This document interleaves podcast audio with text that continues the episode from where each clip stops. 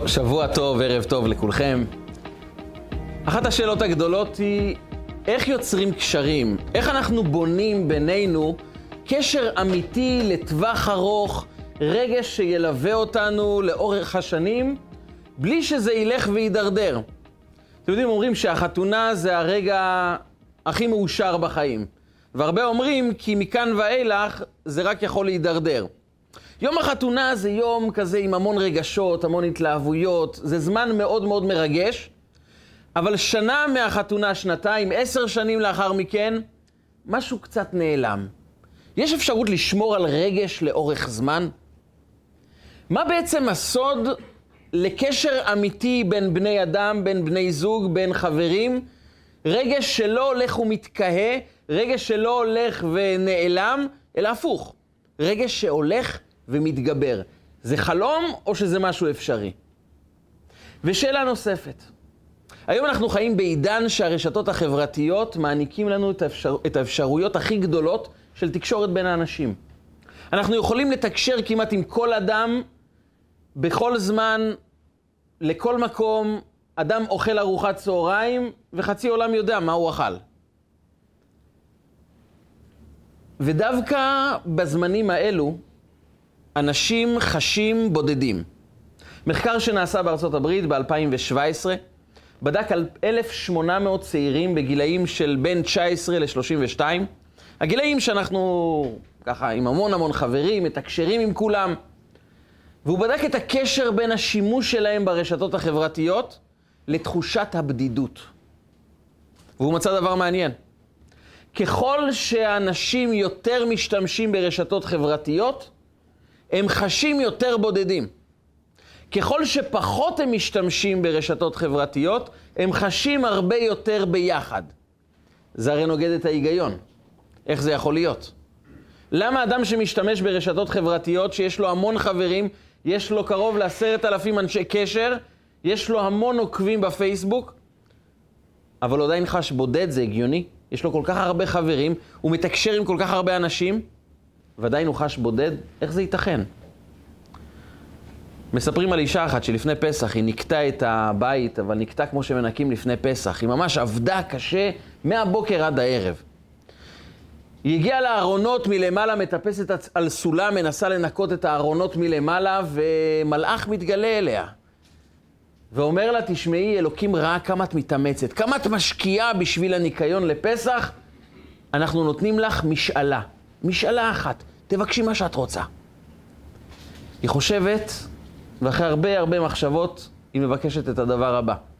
באמת, אני רוצה שבעלי יחשוב רק עליי. שלא יהיה לבעלי משהו אחר בחיים חוץ ממני, שאני אהיה הדבר היחיד שהוא מתעסק איתו בחיים. זה אפשרי, הדבר הזה? אומר לה המלאך, בלי שום בעיה, ברגע אחד אני פותר את הבעיה. אומרת לו, באמת, הנס הזה יכול להתגשם? אומר לה, כן. הוא נעלם, והאישה נהפכה לאייפוד. אומרים שמאותו רגע בעלה לא עזב אותה יותר.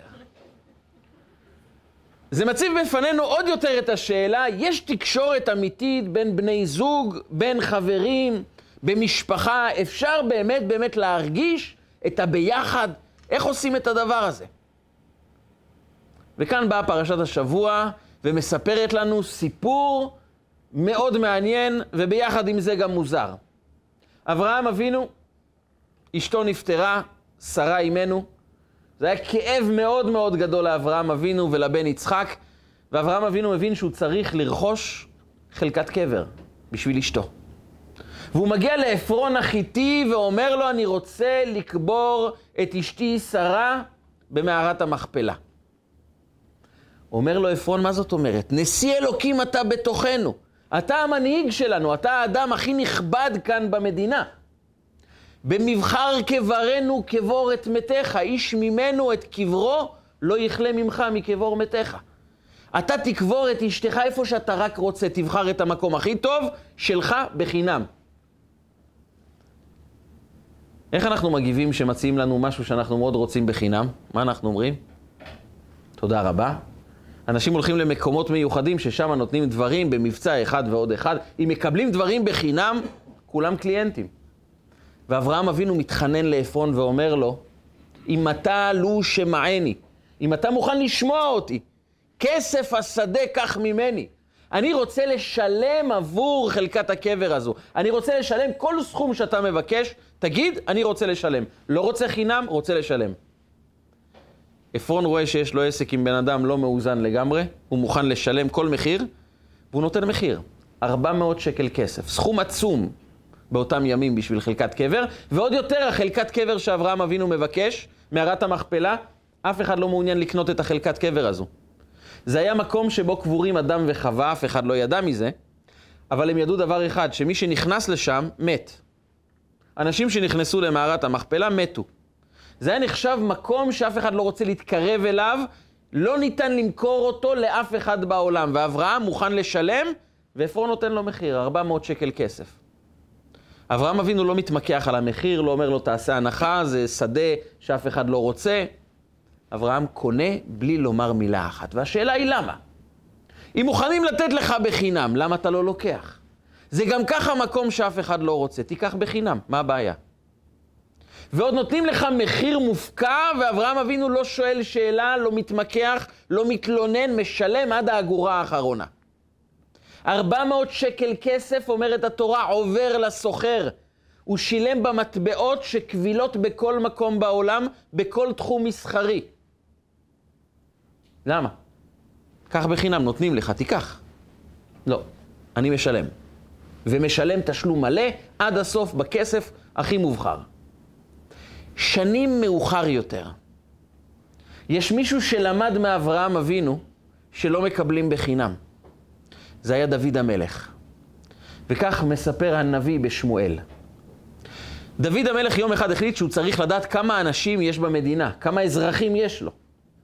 הוא פוקד על שר הצבא יואב בן צרויה ואומר לו, לך תפקוד את העם. יואב מנסה להתווכח, אבל דוד, אומר לו, דוד המלך אומר לו, אני מבקש לדעת כמה אנשים יש.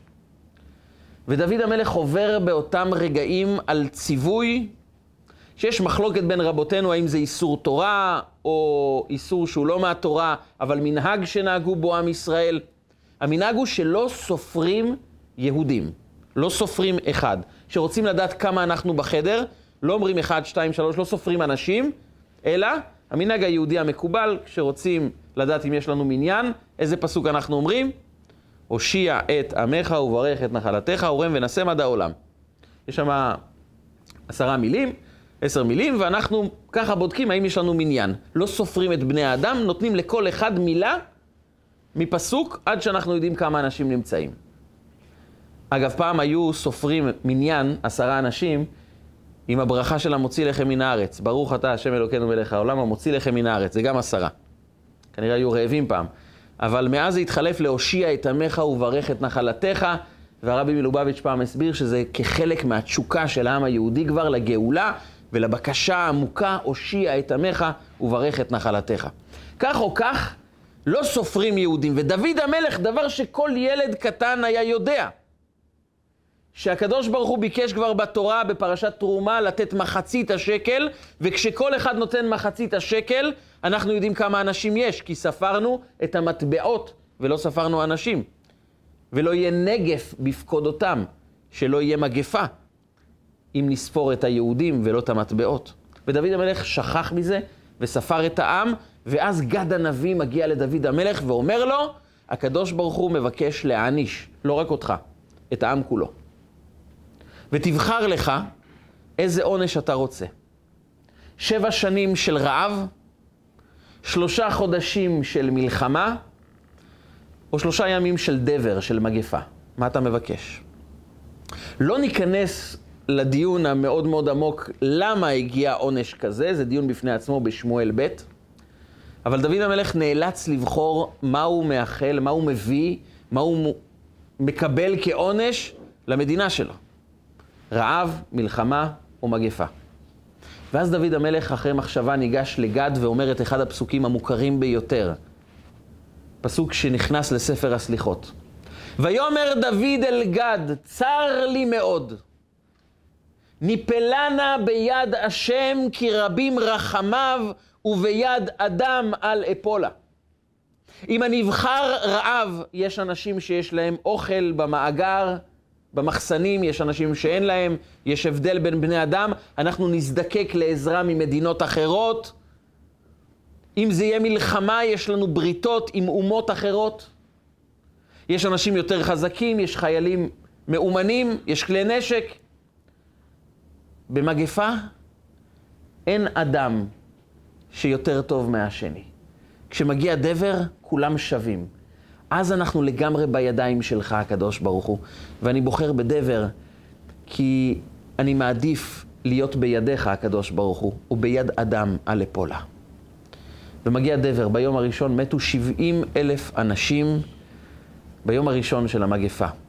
ודוד המלך כואב ואומר לקדוש ברוך הוא, תפגע בי ובבני ביתי, אני השם, אל תפגע בעם. ואז הוא רואה מלאך השם ניצב, כך הוא רואה בנבואה, ניצב מלאך השם מעל גורן הרבנה היבוסי. מי ששלט על המקום הזה, שהוא בעצם מקום בית המקדש, הר הבית, ירושלים, היה אדם בשם הרבנה היבוסי.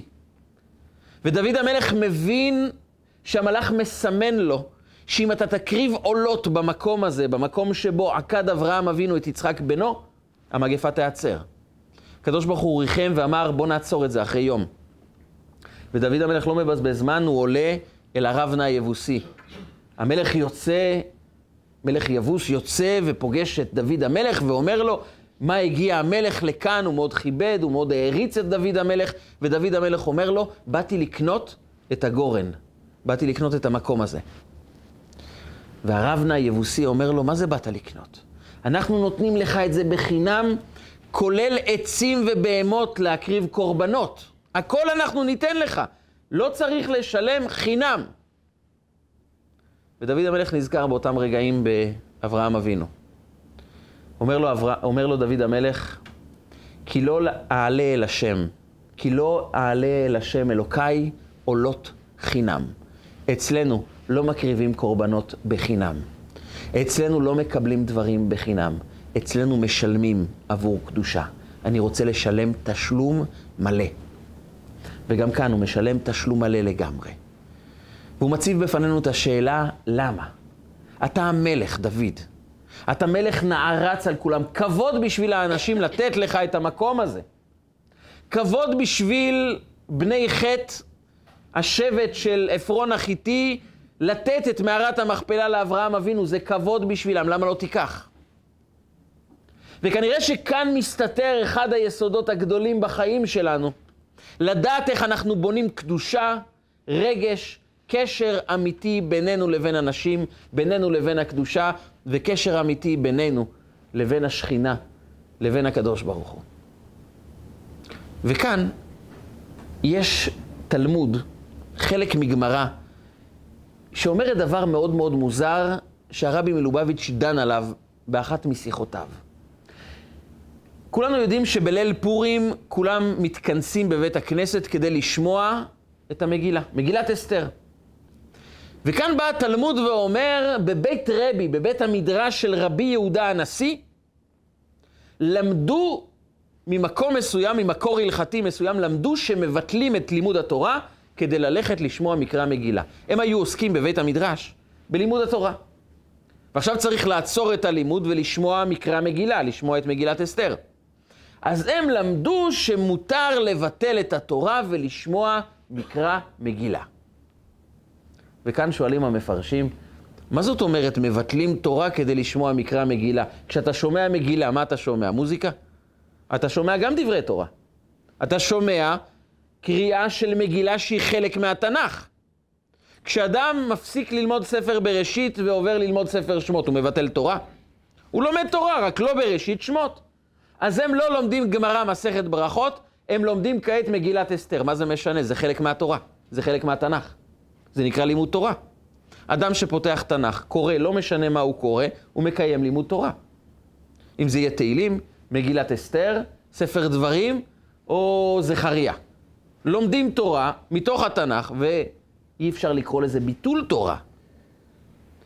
ולמה רבי יהודה הנשיא ובית המדרש שלו אמרו, אנחנו מבטלים תורה כדי לשמוע מקרא מגילה. למה זה ביטול תורה? אתם שומעים מגילת אסתר, זה גם לימוד תורה. והתשובה המאוד מעניינת שאמר הרבי מלובביץ' היא כזו.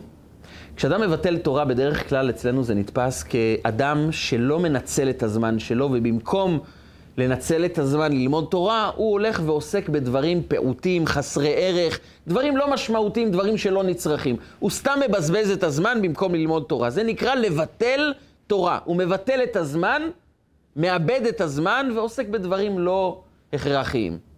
כמובן שאם אדם עוסק לפרנסתו, עוסק בדברים שהם נצרכים באמת בחיים שלו, זה לא נקרא ביטול תורה. ביטול תורה זה אדם שמבזבז סתם את זמנו. ואז החסידות באה ואומרת שיש גם באדם שלומד תורה, ביטול תורה.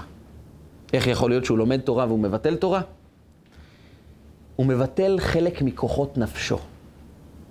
גם אדם שעוסק בלימוד התורה, הוא צריך לשאול את עצמו כמה חלקים בנפש שלי עסוקים בלימוד התורה.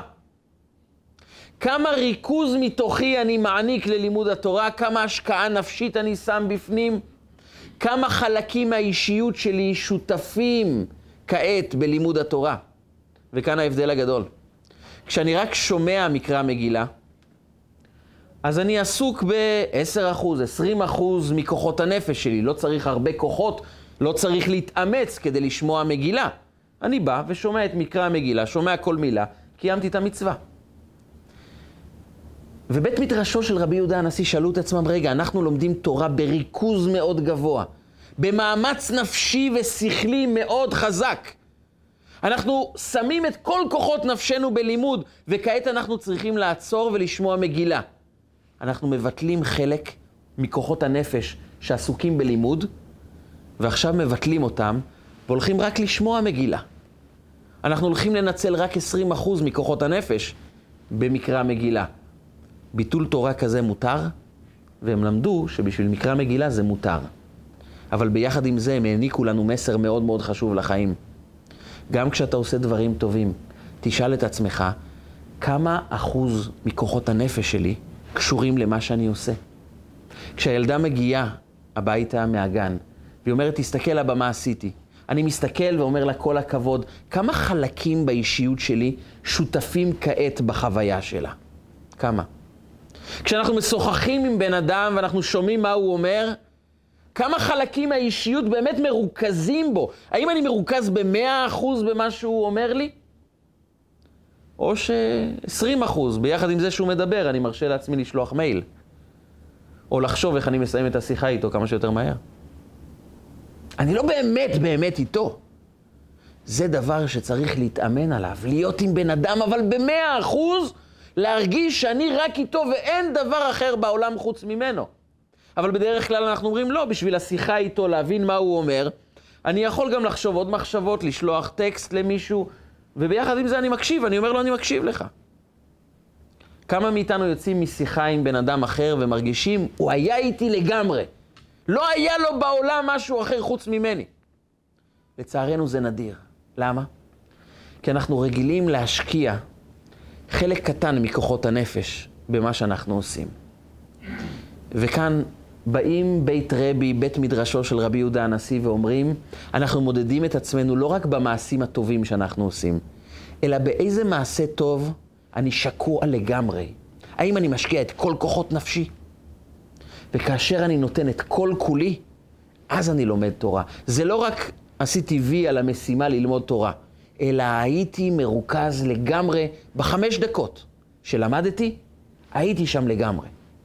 בתפילה הקצרה שהתפללתי, שם הייתי לגמרי, כל האישיות שלי הייתה מחוברת לתפילה. וזה סודו של אברהם אבינו וסודו של דוד המלך. הם באים לבני חטא, אברהם אבינו בא לבני חטא, ודוד המלך לערבנה היבוסי, והם אומרים את הדבר הבא. אצלנו, אצלנו משקיעים. אם אני מקבל בחינם, כמה אחוז מההשקעה הנפשית השקעתי כאן? דבר שמגיע אלינו בחינם, לא קשור אלינו באמת, כי לא התאמצנו בשבילו. לא השקענו באמת. וקשר אמיתי נבנה מההשקעה. העולם מחנך אותנו להשקיע כמה שפחות, להרוויח כמה שיותר. זה השיא, זה האידיאל, זה הדבר הכי גבוה. תתאמץ פחות, תקבל יותר. פחות עבודה? בעולם העסקי. בעולם הרוחני, זה בדיוק הפוך. ככל שאנחנו מקבלים בחינם, כך פחות יש רוחניות. רוחניות בנויה על השקעה. רגש נבנה לא ממה אני מקבל ומה אני מרוויח כשאני פסיבי, אלא להפך, מכמה אני משקיע וכמה אני נותן. סיפר לנו פעם אחד מרבני חב"ד באנטוורפן, בבלגיה. יש שם כידוע יהודים עסוקים ביהלומים. המסחר מתנהל ברובו על ידי יהודים, אבל גם בתכשיטנות. הרבה יהודים יש להם חנויות תכשיטים. הייתי שם פעם אחת, שדרה שלמה של חנויות, כולם יהודים, כולם מוכרים תכשיטים, ברוך השם לכולם יש פרנסה. אחד מהיהודים שם התחיל להתקרב לקיום התורה והמצוות.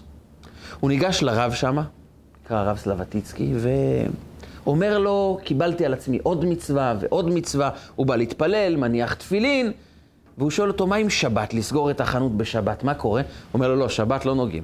שבת זה הרווח הכי גדול בחנויות, אנשים באים לקנות בשבת. אני לא יכול להפסיד כל כך הרבה כסף. הוא דיבר איתו פעם ועוד פעם, והוא לא מוכן לסגור, אבל יום אחד הוא נכנס למשרד של הרב בשמחה גדולה, ואומר לו, זהו, קיבלתי על עצמי את מצוות השבת. החנות שלי מהשבת הקרובה סגורה. הוא שמח מאוד, התחבקו, שרו, רקדו, שמחו על מצוות השבת שנכנסה לעוד בית יהודי. כמה חודשים לאחר מכן, הוא דופק על הדלת של המשרד של הרב ביום ראשון, כולו בוכה. הוא אומר, אני צריך לדבר עם הרב. אומר לו, בוא תשב, מה קרה? מה, מה מסעיר אותך כל כך? מה עבר עליך? הוא מתחיל לספר, הוא אומר, השבת האחרונה, אתמול, זו הייתה השבת האחרונה של השנה הלועזית. וזה נקרא אצלנו, מוכרי התכשיטים, שבת הגדול. כי באים אנשים עם המון כסף וקונים המון תכשיטים. מקבלים המון המון כסף בשבת הזו. ואני יודע מה השבת הזו נותנת. אני יודע כמה רווח אני מקבל מהשבת הזו, אבל אני החלטתי שאני סגור בשבת. שישי בלילה, ליל שבת, כל הראש שלי היה תפוס בכמה כסף אני הולך לאבד. ראיתי בחלום בשבת בלילה, יום שישי בלילה, אני רואה בחלום רק שרשראות ויהלומים ותכשיטים ודולרים, ואני שומע את הקולות של הקופה נפתחת ונסגרת. וקמתי סהרורי שבת בבוקר והלכתי לבית הכנסת, אני אומר לך, כבוד הרב, לא התפללתי מילה, לא יכלתי להתפלל. חשבתי רק על דבר אחד, אני הולך לחנות, פותח אותה, והמון המון המון כסף נכנס לי לקופה. הסתיימה התפילה, ואמרתי, אני רק רוצה להסתכל מה קורה ברחוב. וזו הייתה טעות. הגעתי לרחוב, אני רואה המוני קונים נכנסים לחנויות של החברים שלי, ורק החנות שלי סגורה, כמו יתום. וחבר שלי רואה אותי מרחוק ואומר, לו, ואומר לי, אליהו, השתגעת? תפתח את החנות שלך, יש קונים לכולם המון כסף, תבוא תפתח את החנות. ואני אומר לו בשארית כוחותיי, אני אומר לו, אבל אני שומר שבת, אני לא יכול לפתוח, אני לא פותח. והוא אומר לי, אבל נתת לאלוקים את כל השבתות של השנה, הוא לא יכול לתת לך שבת אחת בשבילך? לא יכלתי יותר, רצתי הביתה. עשיתי קידוש לאישה ולילדים, וכבוד הרב, מה לעשות? לקחתי בקבוק וויסקי ורוקנתי אותו לגמרי. אמרתי לאשתי, אני מרגיש לא טוב, הלכתי לישון. התעוררתי שלוש בבוקר במוצאי שבת.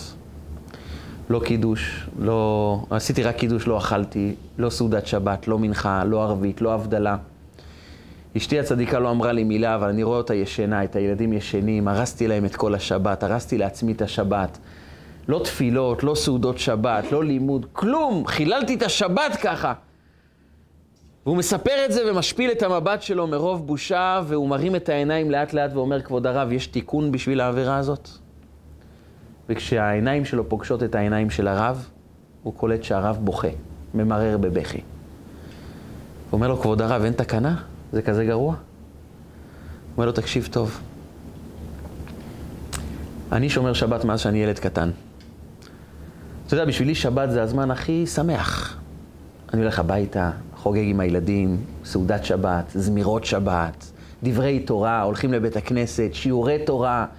שבת מעין עולם הבא בשבילי. אני יודע מה השבת נתנה לי, נתנה לי המון המון עונג כל חיי. ועכשיו אני שואל את עצמי, מה אני נתתי לשבת? אני נתתי לה משהו? אני הקרבתי משהו בשביל השבת? ואני רואה אותך יהודי שנתן את כל נשמתו בשביל השבת. את כל הלב שלך נתת בשביל השבת. אני מעולם לא שמרתי שבת כמו שאתה שמרת. אני בוחר רק על דבר אחד, אולי יום אחד גם אני אזכה לשמור שבת כמו שאתה שמרת. כי אני רק קיבלתי. אבל אתה, אתה נתת. וזה מה שאברהם אבינו אומר לעפרון החיתי. אצלנו בונים קדושה מנתינה, לא מקבלה. אצלנו החיים לא מתנהלים בכמה שיותר אני אקבל וכמה שיותר אני ארוויח, אלא איפה אני משקיע. במקום שאני משקיע, שם נוצרת קדושה. אני בונה את מערת המכפלה לא רק בשביל לקבור את שרה, האימא היקרה של העם היהודי. אני בונה מקום שיהודים אלפי שנים יבואו לבכות שם, יבואו להתפלל שם. התפילות יעברו דרך חברון, וכשיקריבו את קורבן התמיד בבית המקדש, יעלה אדם על הגג ויסתכל האם האיר המזרח עד שבחברון. האם הגיע האור עד מערת המכפלה? כי המקום הזה יהיה אור לעם היהודי לנצח נצחים. ואתה יודע איך בונים אור לנצח? משקיעים, עובדים, משלמים את כל המחיר, נותנים את כל הלב, ואז נבנית מערת המכפלה. ודוד המלך למד מאברהם אבינו, והוא אומר את אותם מילים לערבנה היבוסי, ואומר לו, כי לא עלה אל השם אלוקיי עולות חינם. המקום הזה יהיה בית המקדש. שם יהודים יבואו לבכות, שם יהודים יבואו לקבל ברכה, שם יהודים יבואו ויראו את השכינה. המקום הזה חייב לקבל תשלום מלא, כי רק כשאנחנו מעניקים, אנחנו בונים קדושה נצחית. רק כשאני נותן את כל הלב, אז אני באמת לומד. אז אני באמת מנצל את כל כוחות נפשי, ואז, אז נוצר בתוכי יכולת של קבלת השכינה, יכולת של קבלת הטוב, יכולת של קשר אמיתי. וזה ההבדל בחיים שלנו בין רגש לבין ריגוש. זה לא אותו דבר. ריגוש ורגש הם שני עולמות שונים. עולם אחר לגמרי זה הרגש מאשר הריגוש. העולם שלנו מציע, העולם שבו אנחנו חיים, הרבה הרבה ריגושים. זה הרכב המפנק ביותר. אתה רק תיכנס לרכב הזה, אתה תחוש שלווה, נינוחות, חוויית נהיגה. ומחקרים בדקו כמה זמן אדם שרכש את הרכב הכי מפנק, כמה זמן הוא נהנה מהרכב. לכל היותר חצי שנה. אחר כך הוא כבר התרגל. אין ריגושים. הדירה הכי מפנקת, אחרי שנה אדם כבר חש, התרגלתי. החופשה הכי טובה, גם היא נגמרת, ומה נשאר ממנה? הריגוש הוא מאוד עוצמתי, הוא מאוד חזק. זה כמו זיקוקים, פתאום בום, רואים אורות בעולם. ולאט לאט זה נעלם, ואז אתה מחכה לזיקוק הבא. אולי הוא יהיה מעניין. אבל מה שהיה נגמר. ריגוש הוא עוצמתי, אבל חיי המדף שלו רגעיים, זמניים, חולפים. לא נשאר מזה שום דבר. והבעיה היא כאשר אנחנו חושבים שריגוש זה רגש. כאשר אנחנו מחכים לרגש של האהבה לאדם האחר, אבל אנחנו מחפשים בעצם את הריגוש, שריגוש בנוי ומושתת על מה קיבלתי, על מה הרווחתי, על כמה טוב לי. ואז היום של החתונה זה יום שאני ממש, ממש מתרגש, כולם סביבי, כולם שרים לי, הכל טוב בשבילי, אני מרוויח, והנה קיבלתי את האישה שכל כך רציתי, והיא אומרת קיבלתי את הבעל שכל כך רציתי, יש לו כל כך מעלות, והיא יש לו כל כך הרבה תכונות טובות. ומה יהיה בעוד שנתיים, בעוד שלוש שנים, בעוד עשר שנים? מה ישמור על הקשר ביניכם? וקשר שמושתת על ריגושים, מה לעשות? כל דבר חומרי כבר לא נותן לנו ריגוש, כי התרגלנו. אז מה העצה? מה הפתרון? איך אנשים יחיו יחד, ולא רק שהרגשות ילכו וידרדרו, לא רק שהם יחיו בבית שבו חיים ביחד טכנית, אבל אין שום התלהבות, איך אפשר להעלות את זה? איך אפשר להגביר את הקשר ואת האהבה ואת החיבור בינינו? התשובה היא לא לבנות על ריגושים, לבנות רגשות, ורגשות נבנות מהשקעה. רגשות נבנות מעבודה. הורים אוהבים את הילדים שלהם והם לא מקבלים מהם שום דבר. ילד לא מביא להורים שלו כסף. הרבה פעמים מביא לו הרבה כעס וכאב, הרבה תסכולים. אבל אבא אוהב את הילד, האמא אוהבת את הילדים שלה, כי הם משקיעים בהם והם נותנים להם. והם לא מצפים לתמורה. הפוך, ההתלהבות היא מהנתינה, וזו התלהבות אחרת, זה לא התלהבות של ריגושים. זה התלהבות ושמחה, כי אני מעניק למישהו אחר ואני בונה בינינו רגש. הרגש הזה, ככל שנשקיע, הוא הולך וגודל. הוא הולך ומתפתח. ריגושים הולכים ונעלמים. רגשות הולכות ומתפתחות. כי כאשר אנחנו משקיעים, כאשר אנחנו נותנים, כאשר אנחנו לא שואלים את עצמנו מה אני מקבל, מה אני מרוויח, כי אז אני בונה על האגו האישי שלי, על הרווח האישי, ואז כשהתרגלתי כבר זה לא מעניין אותי. אבל כאשר אני הולך ונותן, אז אני מרוויח. אני מרוויח רגש אמיתי, אני מרוויח קשר אמיתי. וזו הסיבה גם למה אדם יכול להיות כל היום בוואטסאפ, בפייסבוק, ברשתות חברתיות, והוא תקשר עם המוני אנשים, והוא חש בודד. כי תחושת הבדידות לא תלויה בעם כמה אנשים אני מחובר, אלא באיכות של הקשר של האנשים שאיתם אני מחובר. אם אדם דיבר עם אלף אנשים, אבל הוא השתמש בחלקים מאוד מאוד שוליים, חיצוניים, פשוטים באישיות שלו. מה עשית, מה אכלת, לאיפה הלכת, תראה תמונה, קח תקרא את זה, תראה את התמונה הזו. התקשורת היא לא פנימית, אין כאן הקשבה אמיתית, אין כאן התעניינות אמיתית בחייו של אדם. אבל אדם שלא מחובר לרשתות החברתיות, אבל יש לו כמה חברים בודדים, אולי חבר אחד, אבל זה חבר שבאמת מקשיב. זה חבר שאני מקשיב לו באמת. זה חבר שאכפת לי ממנו. זה חבר שאני מנסה להבין איך אני יכול באמת לעזור לו. ואלוקים נותן לכל אחד בבית. את החברים הכי קרובים, זה המשפחה. אליהם אנחנו צריכים להיות קרובים, לשמוע אותם באמת, להקשיב להם באמת. כשהילדה מגיעה ומביאה את הבריסטול החצי קרוע עם יצירה שהיא עשתה, בשבילה זה דבר גדול. האם בשבילי גם אני מפנה את הכל ועכשיו אין לי בעולמי דבר אחר חוץ מהבריסטול הקרוע הזה של הילדה? כי אז אנחנו באמת בקשר. כי אני לא מבטל תורה, אני מגייס את כל כוחות הנפש ונמצא עם האדם. כמובן זה דבר שצריך לעבוד עליו, אבל זה יעד. וכאן, כאן נבנית משפחה שלא בנויה על ריגושים, על איזה טיול יצאנו ולאיזה מסעדה הלכנו, כמובן שזה דבר טוב. זה דבר נחמד לרענן את האווירה. לא בזה נבנית משפחה. משפחה נבנית מרגשות ולא מריגושים. ריגושים זה טוב כקישוטים. רגשות זה הבסיס שעליו צומחת משפחה. כי אז אנחנו באמת מתעניינים בשני. ועל זה דוד המלך אומר, לא עלה אל השם אלוקיי עולות חינם. אני משקיע. אתה רוצה באמת באמת קשר עם אנשים? אתה רוצה באמת לחוש ביחד? קח עניין רוחני שיהיה, השקעה בלימוד, השקעה באדם אחר. לשאול את עצמנו לא מה אני מרוויח, אלא מה אני נותן. וככל שאתה נותן לגמרי, בלי התחשבנויות ופנקסנות, מה אני נתתי ומה קיבלתי. כי הרבה אנשים אומרים, מה אני נותן ונותן ומה קיבלתי בסופו של דבר. אנחנו לא נמצאים במסחר במשפחה, אנחנו באים לתת כדי לתת. חסר לנו משהו? נבקש. אבל אנחנו לא עושים חשבונות של מה קיבלתי ומה נתתי והאם זה משתלם. כי אז הפכנו את הבית לחנות. וכאן לא נבנית משפחה. אני נותן ונותן מכל הלב. אם אני צריך משהו, אני פשוט הולך ומבקש, וזה לא בושה לבקש. אני צריך מילה טובה, אני צריך עידוד, אני צריך עזרה. בלי קשר למה נתתי ומה קיבלתי. ואברהם אבינו מלמד אותנו בשליחות הגדולה שהוא מעניק לעבד שלו אליעזר. אליעזר עבד אברהם נשלח לחפש אישה ליצחק.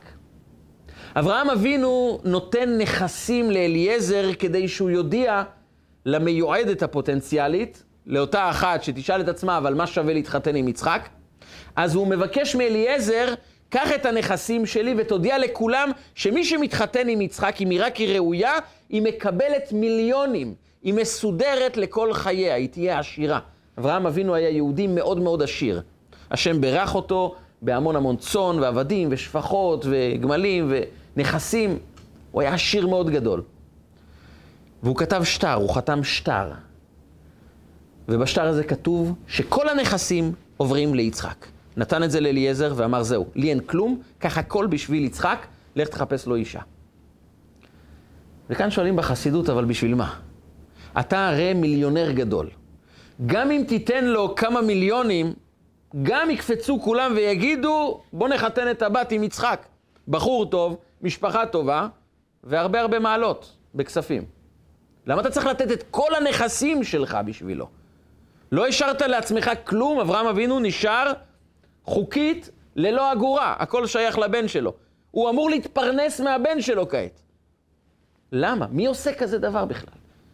תן את חצי מהנכסים, תיתן לבן, זה גם יפה, כולם יהיו מרוצים. אברהם אבינו לא משאיר לעצמו אגורה, הוא נותן הכל ליצחק בנו. בשביל מה? למה? והתשובה היא מאוד פשוטה, אברהם אבינו לא הולך לחפש רק אישה לבן שלו יצחק. אברהם אבינו שולח את אליעזר כדי להתחיל לבנות את העם היהודי. יצחק ורבקה אלו הם הנישואים הראשונים בעם היהודי. והנישואים הראשונים בעם היהודי, יש להם משמעות כללית לכל הזוגות שיהיו לאורך כל הדורות. זה משמעותי לכל יהודי ויהודי. זה משמעותי גם לעבודה ולמשימה, לשליחות המיוחדת של העם היהודי מרגע קבלת התורה. הוא אומר, אנחנו בונים את היסוד בחיבור הזה בין רבקה לבין יצחק. זה התחלת החיבור בין הרוחניות לבין הגשמיות. למשפחה היהודית זה משמעותי. ואתה יודע כמה אני מוכן להשקיע בשביל השליחות של העם היהודי? לא 20 אחוז. לא 90 אחוז, גם לא 99 אחוז. את הכל אני נותן בשביל המשימה הגדולה של העם היהודי.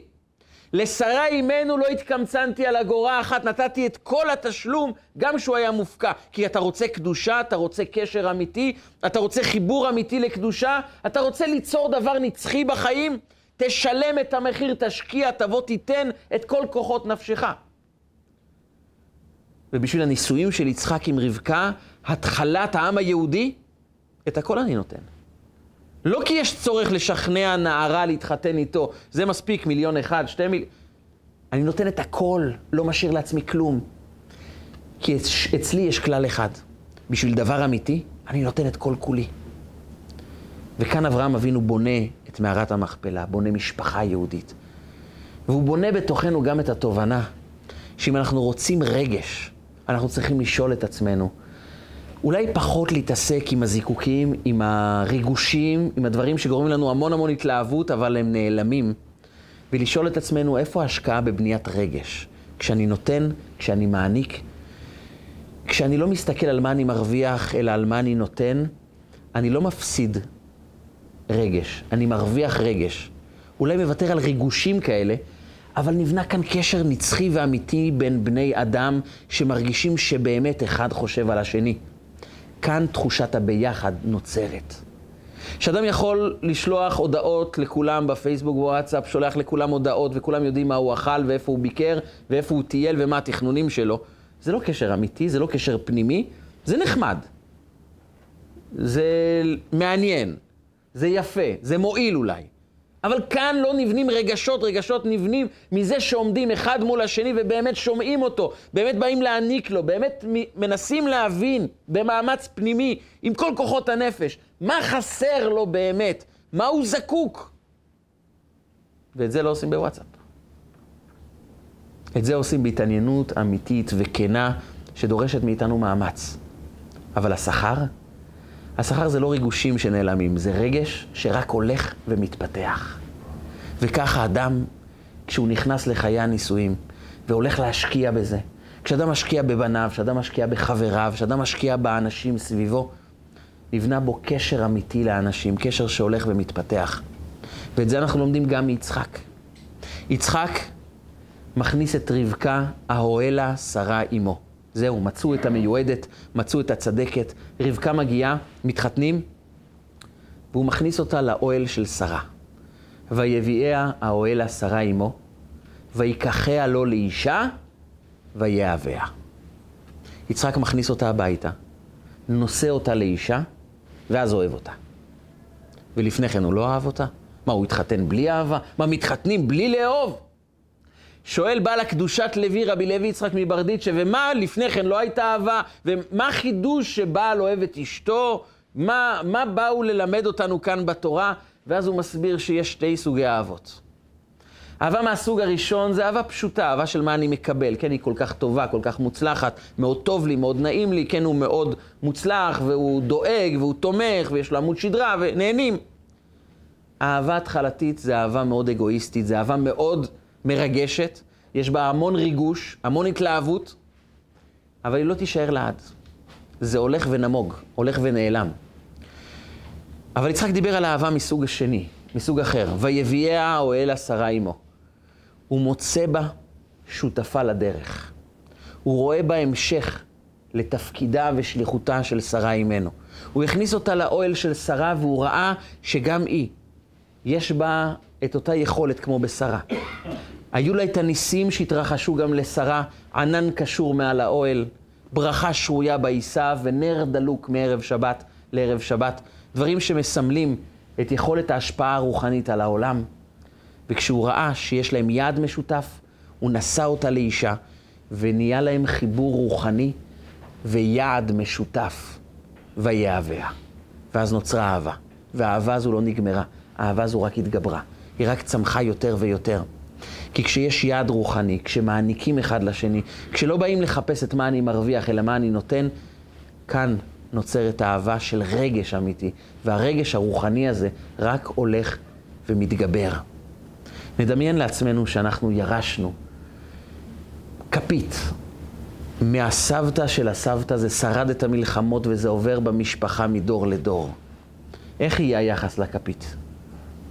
זה דבר היסטורי, דבר משפחתי, במיוחד אם יש איזה סיפור מיוחד שמסתתר בו. אז הקשר שלנו לדבר הוא קשר מאוד מאוד עמוק. יש בזה ערך סנטימנטלי מאוד מאוד חזק. כי יש בזה ערך, אבל מה אתה מרוויח? אתה מוכר אותו, אתה מקבל כסף, מה הוא נותן לך? תשובה, הוא לא נותן לי כלום. הוא נותן לי את התחושה הכי גבוהה, הכי עמוקה, מעצם זה שאני מטפל ודואג לדבר הזה. כי קשר רוחני עמוק, נצחי, שהולך ומתגבר, נבנה על זה שאני לא מחפש להרוויח, אני מחפש להשקיע. אני רואה ערך באדם שמולי. אני רואה את המעלה שבו. אני רוצה להשקיע בו. אני רואה את נפשו. אני רואה לא רק את הדמות החיצונית, את הדמות הפנימית. אני משקיע כוחות נפש. ואז נוצרת אהבה של רגש אמיתי שהולך ומתגבר. אבל יש כאן דבר נוסף, שזה רעיון שהחסידות מלמדת אותנו שהוא נכון לכל אחד בכל תחום בחיים. יש אחד ממה שנקרא האבות המייסדים של ארצות הברית של אמריקה. תומאס ג'פרסון קראו לו. הוא היה אדם מאוד מאוד חכם, אמריקאים מאוד מאוד מעריצים אותו. הוא אמר פעם משפט מעניין. שאלו אותו, איך ההצלחה שלך הגיעה? מאיפה הצלחת כל כך הרבה בחיים? אז הוא אומר, תראו, אני מאוד מאוד מאמין במזל. היה לי הרבה מזל בחיים, אבל אתם יודעים מה? שמתי לב לדבר אחד. ככל שאני משקיע ועובד יותר, יש לי יותר מזל. ככה זה בחיים. תשקיע, ואז תהיה ברכה. והאמת, החסידות מדברת על זה, וזה מגיע גם במקור מספר הזוהר. כתוב שמה שהקדוש ברוך הוא שריה באתר שלים. הקדוש ברוך הוא שורה במקום שלם.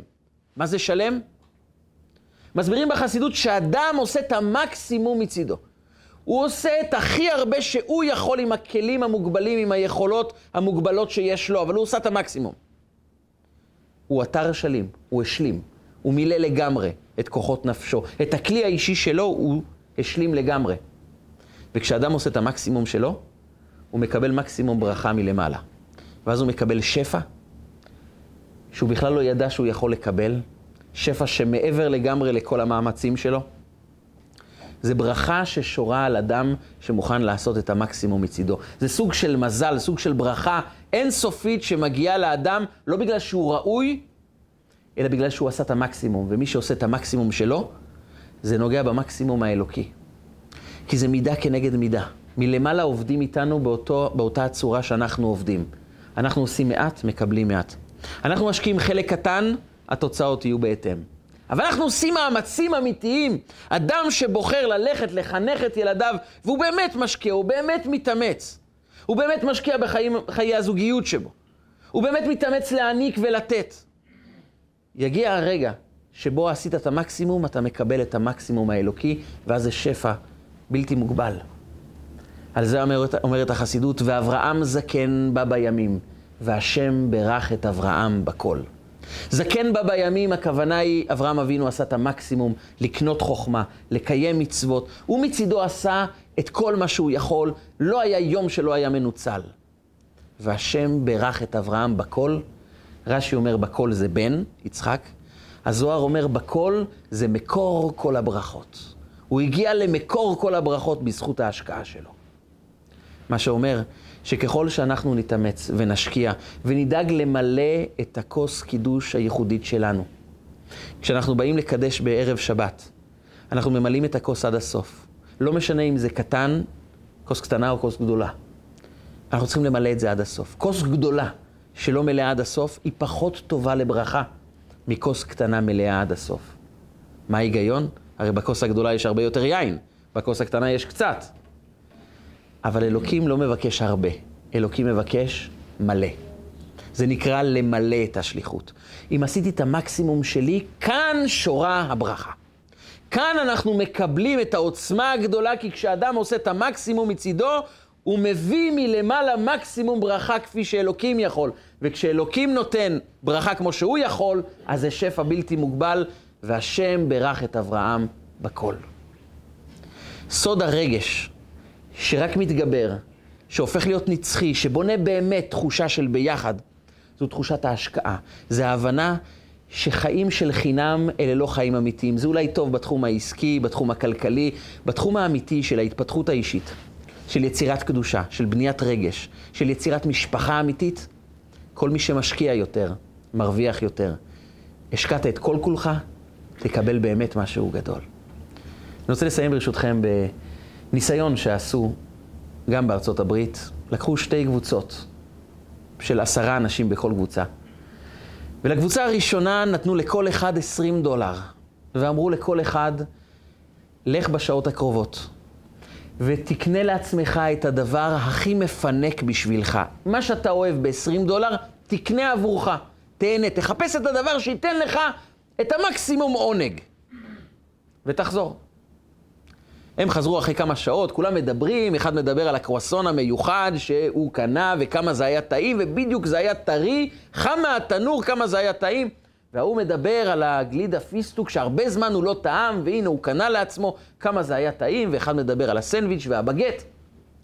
וביקשו מהם לדרג מ-1 עד 10 כמה הנאה הייתה להם ממה שהם קנו. אחד הכי נמוך, 10 הכי גבוה. אנשים דירגו, היה 7, אולי אפילו 8, 1 9, טוב, זה לא יציאה לחו"ל, אז היה באמת באמת מענה, 7, 8, 9. למחרת ביקשו מהם לדרג כמה הנאה שלך עכשיו ממה שקנית אתמול. אנשים הסתכלו כאילו השאלה הזו לא מוזרה מאוד, אנשים אמרו, ארבע, חמש. ביום השלישי כולם כתבו אפס. אפס הנאה כעת ממה שהיה לי שלשום. לקבוצה השנייה נתנו גם 20 דולר, וגם ביקשו מהם לצאת לרחוב, וביקשו מהם רק בקשה שונה, לכו תעשו את מעשה החסד הכי גדול שאתם יכולים עם 20 דולר, ותחזרו. אנשים חזרו אחרי כמה שעות, שאלו אחד, מה עשית? הוא אומר, הלכתי ברחוב, אל תשאלו. ראיתי אימא הולכת עם ילד קטן, ממרר בבכי. טוב, זה קורה הרבה, אבל עכשיו התעניינתי, כי יש לי 20 דולר, אולי אני יכול לעזור. שאלתי את האימא, למה הילד בוכה? והאימא אמרה לי בצער, כי יש מחר טיול בבית הספר וצריכים לשלם 20 דולר, ואין לי. אני אישה בודדה, לבד, אין לי. הסתכלתי עליה ואמרתי, יש לך, קחי 20 דולר, זה בשביל הילד, ואני נותן לאימא, והילד מסתכל ואומר לאימא, אימא, אני יוצא לטיול, ואימא אומרת לו, כן. וזה היה כל כך מרגש לראות את העיניים הבורקות של הילד הזה. וביקשו ממנו, תדרג את רמת ההנאה שלך מ-1 עד 10, כמה נהנית מזה? הוא אומר, 10. העיניים האלה עדיין נמצאות לי עכשיו בתוך המוח, אני רואה את ההנאה שלו, כמה זה טוב. ולמחרת ביקשו ממנו שוב לדרג מה רמת ההנאה שלך כשאתה נזכר במה עשית אתמול. והוא רשם עוד פעם עשר, וגם ביום השלישי. וכמותו כל החברים שנתנו והשקיעו, והוא אמר להם, תבינו, עד סוף ימיי אני אלך עם האור שיצא מהעיניים של הילד, שהגשמתי לו חלום, ומה יכול להיות יותר מרגש מלהגשים חלום לאדם? מה יכול להיות יותר טוב? המסקנה היא שכמה שהעולם מחנך אותנו לעולם של ריגושים, הוא מונע מאיתנו לחוות את הרגש האמיתי, את ההנאה הגדולה, את האמת, את יצירת הקדושה והטוב האמיתיים בחיים שלנו. לתת, להשקיע, כי לא אעלה אל השם אלוקיי עולות חינם. ככל שאני עובד ומשקיע יותר בחברים, באנשים הקרובים, בחיי האישיים, אני משקיע ועובד. זה אולי קשה, אבל כל השקעה יוצרת בתוכנו בית מקדש, לא רק בירושלים, אלא גם מתוך הלב. ואם הלבבות שלנו יהיו מלאים בבית מקדש, נזכה לאור של בית המקדש בירושלים עיר הקודש, עם משיח צדקנו במהרה בימינו, אמן ואמן. רגע של חוכמה, רגעים קצרים ומשנה חיים. הצטרפו אלינו, הרשמו לערוצי רגע של חוכמה ביוטיוב, בפייסבוק, באינסטגרם ובוואטסאפ.